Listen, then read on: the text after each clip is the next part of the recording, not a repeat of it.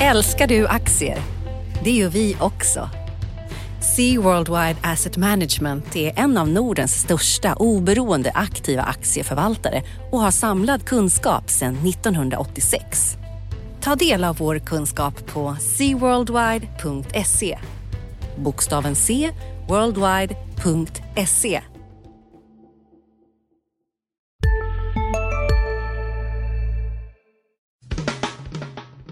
Analyspodden från Dagens Industri. Hej allihopa och välkomna till Dagens Industris analyspodd med mig Ulf Pettersson och Johanna Jansson mitt emot. God morgon Johanna. God morgon. Eh, vad ska vi prata om idag tycker du? Jag tycker att vi ska prata om, det finns en hel del grejer. Jag tycker vi kan prata lite om börser internationellt och lite mer specifikt om Stockholmsbörsen.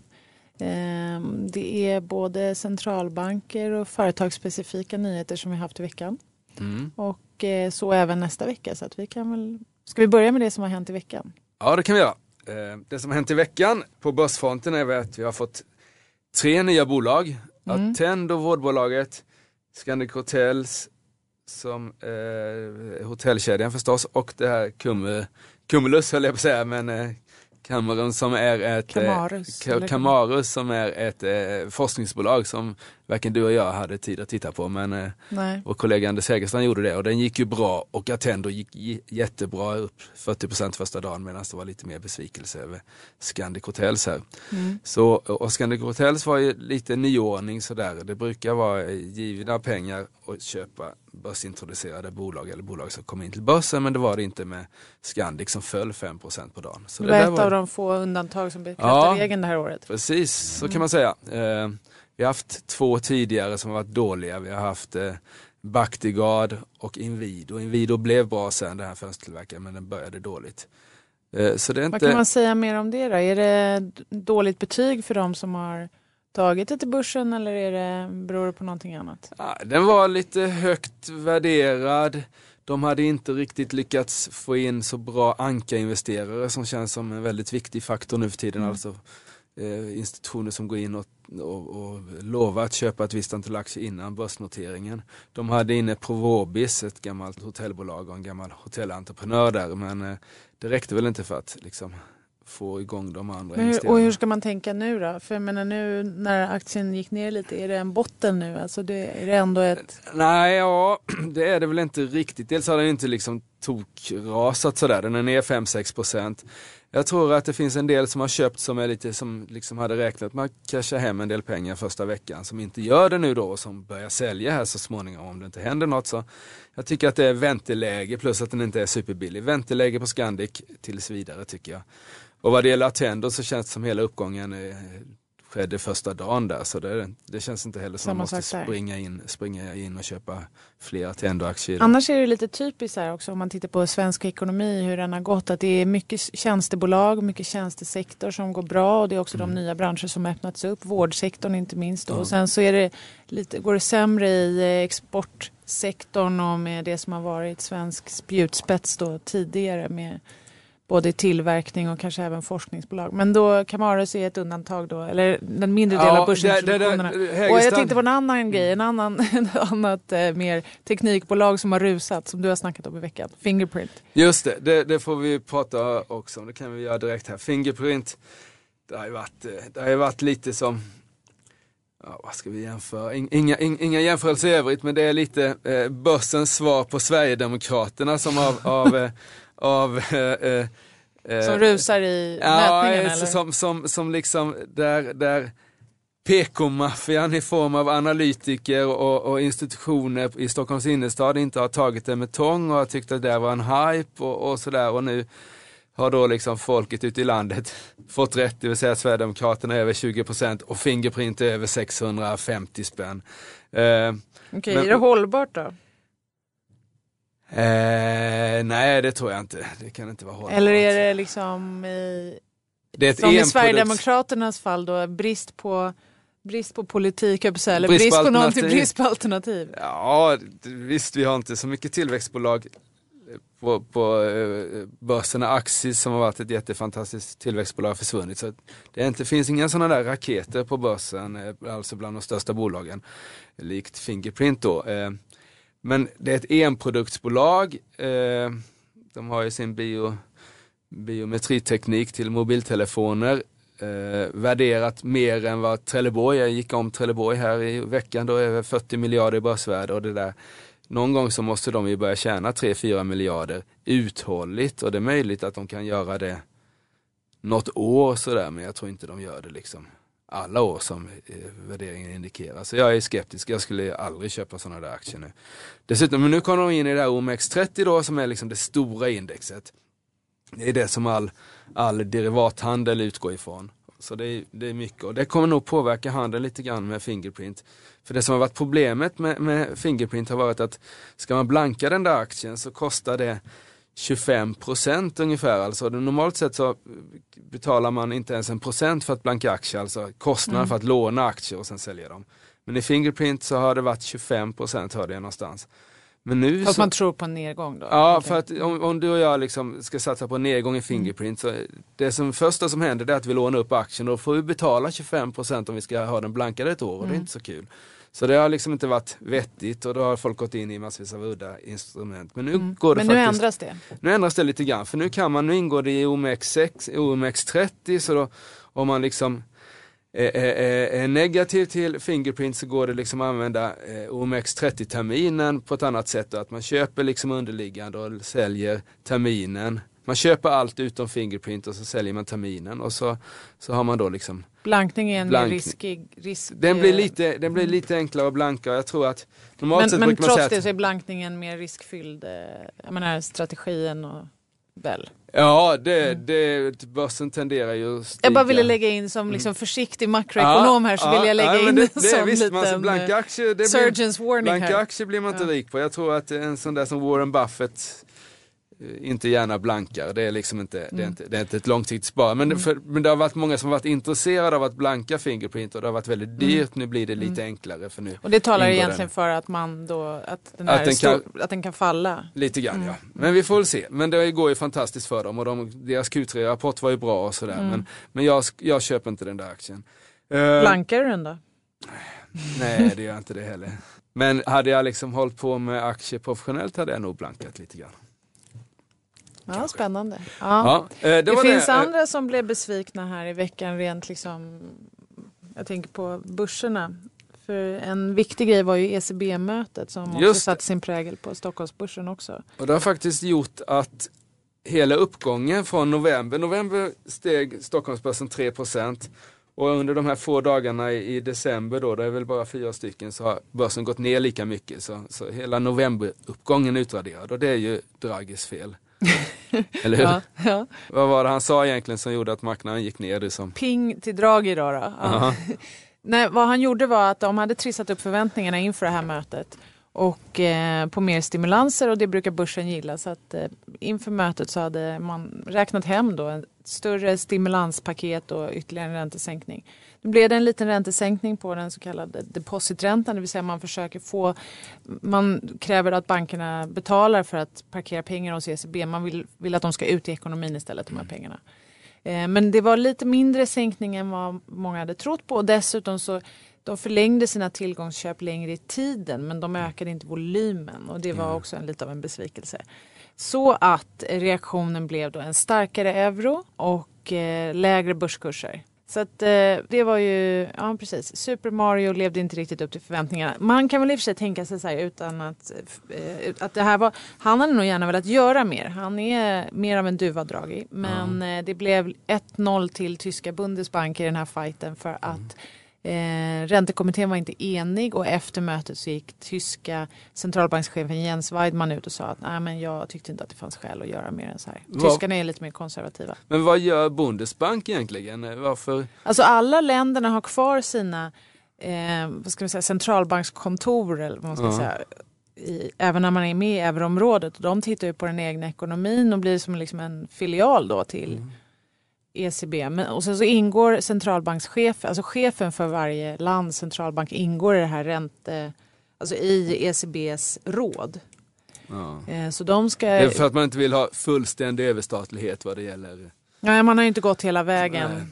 mot det. Men så är det i och för sig även i USA. Jag menar, där är det regionala Fed-chefer som sitter med i FOMC som bestämmer räntan där. Så det är Mm. som att vi skulle ha i Sverige då motsvarande en riksbanksdirektion som bestod av Halland, Bohuslän, Dalarna liksom. Ja, nej, ja, det är märkligt. Ja, det, det, där tycker Eller, jag ja, säger väl ganska inte- mycket om, eh, om EU, alltså det- här eh, Europrojektet. europrojektet, att man Ja. liksom det har blivit dubbelt av allt. Vi har liksom kvar 349 riksdagsledamöter och sen så har man fått liksom ett antal EU EU-ledamöter O- ovanpå. ute på, ovanpå det där. Det, är egentligen, så, hade det varit ett börsbolag hela där, man ska aldrig jämföra politik med, med företag så, men då hade det ju funnits effektivitetsvinst att göra. Om man, Ja, det kan man lugnt säga. Alltså Mm. det är, men eh, jag är ju skeptisk till hela integrations... Eller jag gillar integrationen och jag gillar frihandeln och jag gillar eh, den fredstanke som finns bakom EU-projektet. Men jag gillar inte byråkratin, jag gillar inte överstatligheten och jag har full förståelse för Storbritannien som nu håller på och vill ha, andra, vill ha andra möjligheter inom EU. Jag tror att det är mycket bättre att man, att man inte lägger liksom lager av byråkratiska ja, kvävande filtar ovanpå Europa. De, snarare så är det tvärtom som behövs och då tycker jag det är bättre att man låter Just nu pågår vår stora season sale med fantastiska priser på möbler och inredning. Passa på att fynda till hemmets alla rum, inne som ute, senast den 6 maj. Gör dig redo för sommar. Välkommen till Mio. Har du också valt att bli egen? Då är det viktigt att skaffa en bra företagsförsäkring. Hos oss är alla småföretag stora och inga frågor för små. Swedeas företagsförsäkring är anpassad för mindre företag och täcker även sånt som din hemförsäkring inte täcker. Gå in på swedea.se företag och jämför själv. de länder man går fram med någon slags eh, best practice att man säger så här, "Ja, men det här funkar i det här landet, då kan de få göra det och sen så, om andra vill hänga på så gör man det istället för att liksom vänta tills alla har bestämt sig för att en reform eller en bankunion eller skatt eller vad det nu kan vara är vettigt. Så att, Just det. nej, jag är lite skeptisk till den där. Vad händer mer på ditt makroområde? Vad är det du kommer, för, för det brittiska eh, EU-valet kommer ju bli högintressant, men det är ju ett år bort i alla fall, är det inte det? Eller? Ja, men jag tror i och för sig att det där kommer ju prägla hela 2016. Nu när vi är här i slutet av 2015 så kommer man ju börja fundera lite mer på vad som händer nästa år. Ja. Och just det här med politiken, nu har vi pratat om förut att politiken driver ju inte börsen på det sättet. Alltså det ska ju in i någonting annat för att det ska påverka högre oljepriser eller högre räntor eller något sånt där. Ja. Men, eh, men visst kan det ha liksom, börseffekt nästa år. Med, vi har eh, val i Tyskland och Frankrike under 2018. Mm. Eh, nu första söndagen i december har vi regionalval i Frankrike. Där eh, främlingsfientliga, precis. Hon rycker fram i, ja, Mm. hon är klart på gång och har nästan dubbelt så många röster i opinionsmätningarna som sina konkurrentpartier. De Mm. mer etablerade partierna. Så att det här kommer ju prägla 2016 tror jag. Och sen Mm. om det får börseffekter eller inte. Eh, det är i alla fall inte positivt med de strömningar som är nu. Och försvagas förtroendet för Merkel så kan det också göra att andra liksom, skelett dyker fram i garderoben som skulderna i Grekland. Och så. Ja, det. det finns mycket att oroa sig för 2016. 2016. Men Mm. eh, innan vi går in i 2016, december, brukar det vara en bra börsmånad, eller hur? Det brukar vara en jättebra börsmånad. eh, Det finns väl ingen Normalt så tror man ju att folk liksom gör av med pengarna på julklappar istället men det verkar finnas pengar över till aktiemarknaden också. Det brukar nästa, det är väl i, i stort sett en av Man de kanske ska starkaste. ge en, en aktie i julklapp, eller? Mm, Vad ja, skulle du vilja ge för aktie i julklapp till, Till Hedda.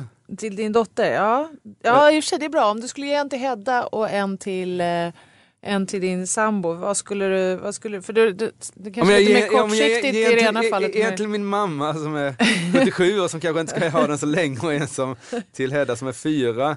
Ja du, det där är ju spännande. Eh, ja, vad skulle jag ta? Jag skulle ta, jag gillar R&B som kortsiktigt. Jag tror att det kommer hända jättemycket i det här lilla klädbolaget R&B. Så det skulle jag ge till min mamma för det tror jag kan bli en ra- raket kommande året.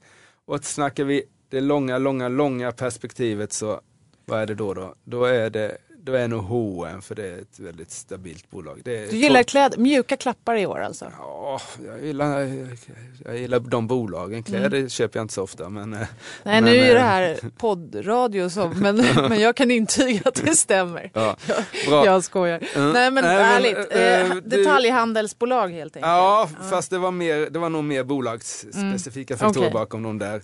Eh, så det, men det visar sig att man, ska, man vill ju ha H&M har faktiskt mycket kvar att göra och R&B är en omstöpningsfas, så det tror jag på. Mm. Uh, men uh, ja, annars då, du sa, han, han vill prata klart om det som händer här, du började prata om Orbot istället, vad är det i närtid som är det den här eh, gällen, men det är nästan så ut uttjatat nu? Alltså jag tänker att centralbankerna har ju varit otroligt viktiga för liksom, finansiella marknader hela året mm. egentligen. Och temat har ju varit divergens, alltså att de har spretat. Man har tänkt så här, Fed ska höja, ECB ska sänka och drar med sig Riksbanken ner i det här sänkningsträsket. Mm.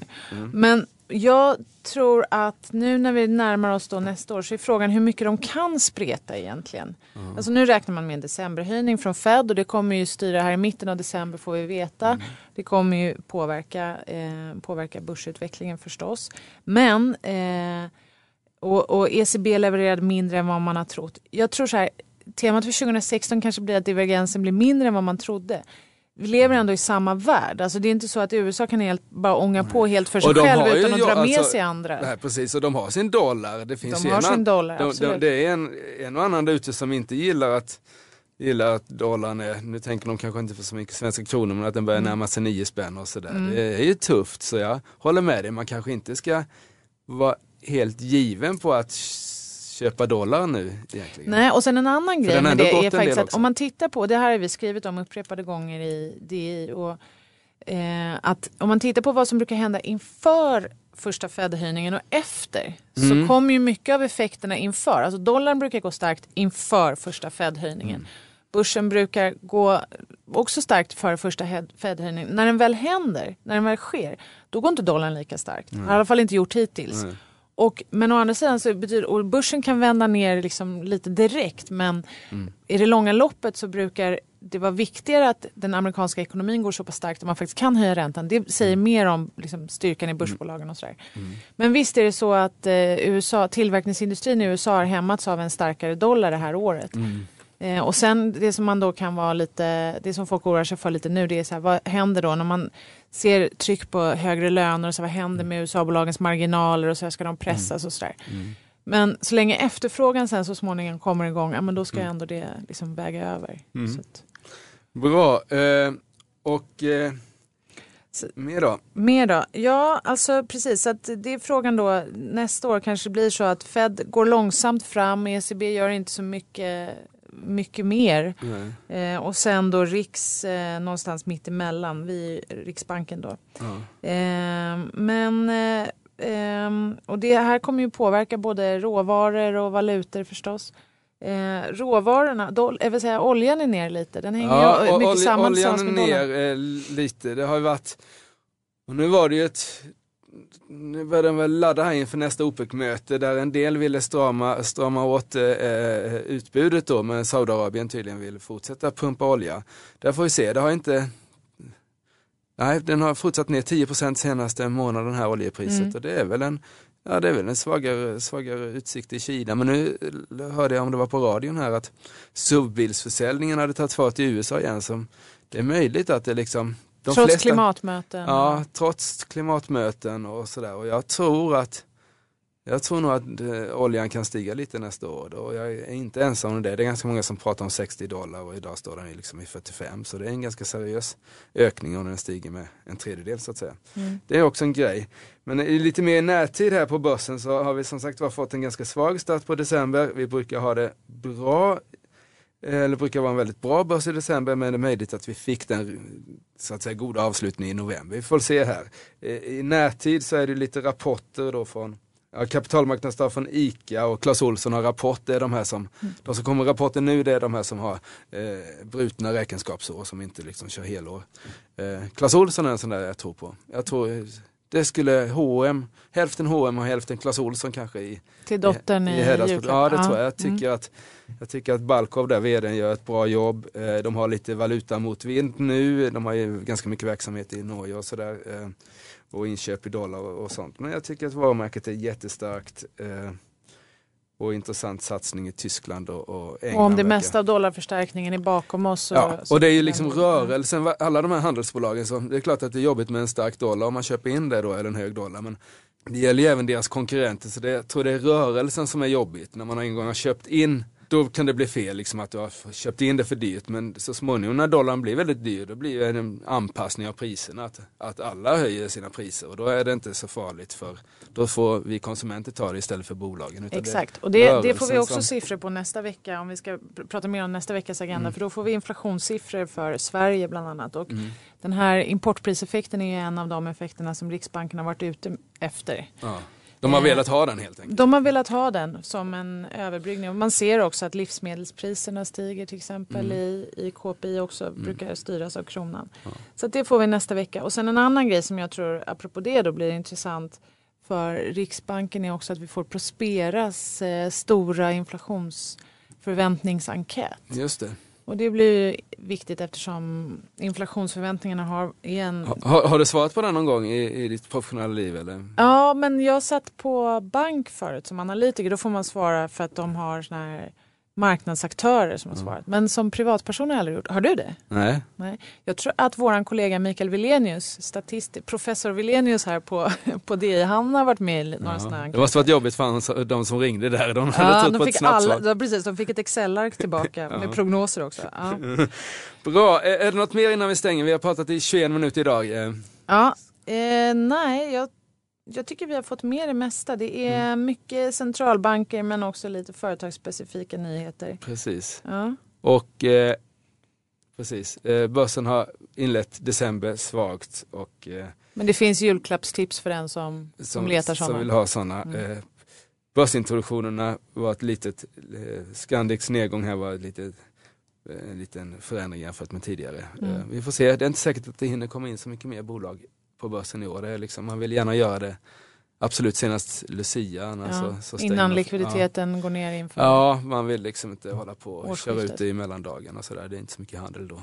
Mm. Så det kanske, de här tre vi hade i veckan var nog de sista Mm. noteringarna tror jag bland de stora Och så bolagen. blickar vi fram mot mitten av december när Fed kommer med nästa räntemöte och även Riksbanken. Och så blir det ett väldigt intressant nästa år. Men vi hinner ju podda en del. Det tar vi nästa gång. Det gör vi. Ja, Ha det bra Johanna. detsamma, hej. Hej. Analyspodden från Dagens Industri. Programmet redigerades av Umami Produktion. Ansvarig utgivare Peter Fellman.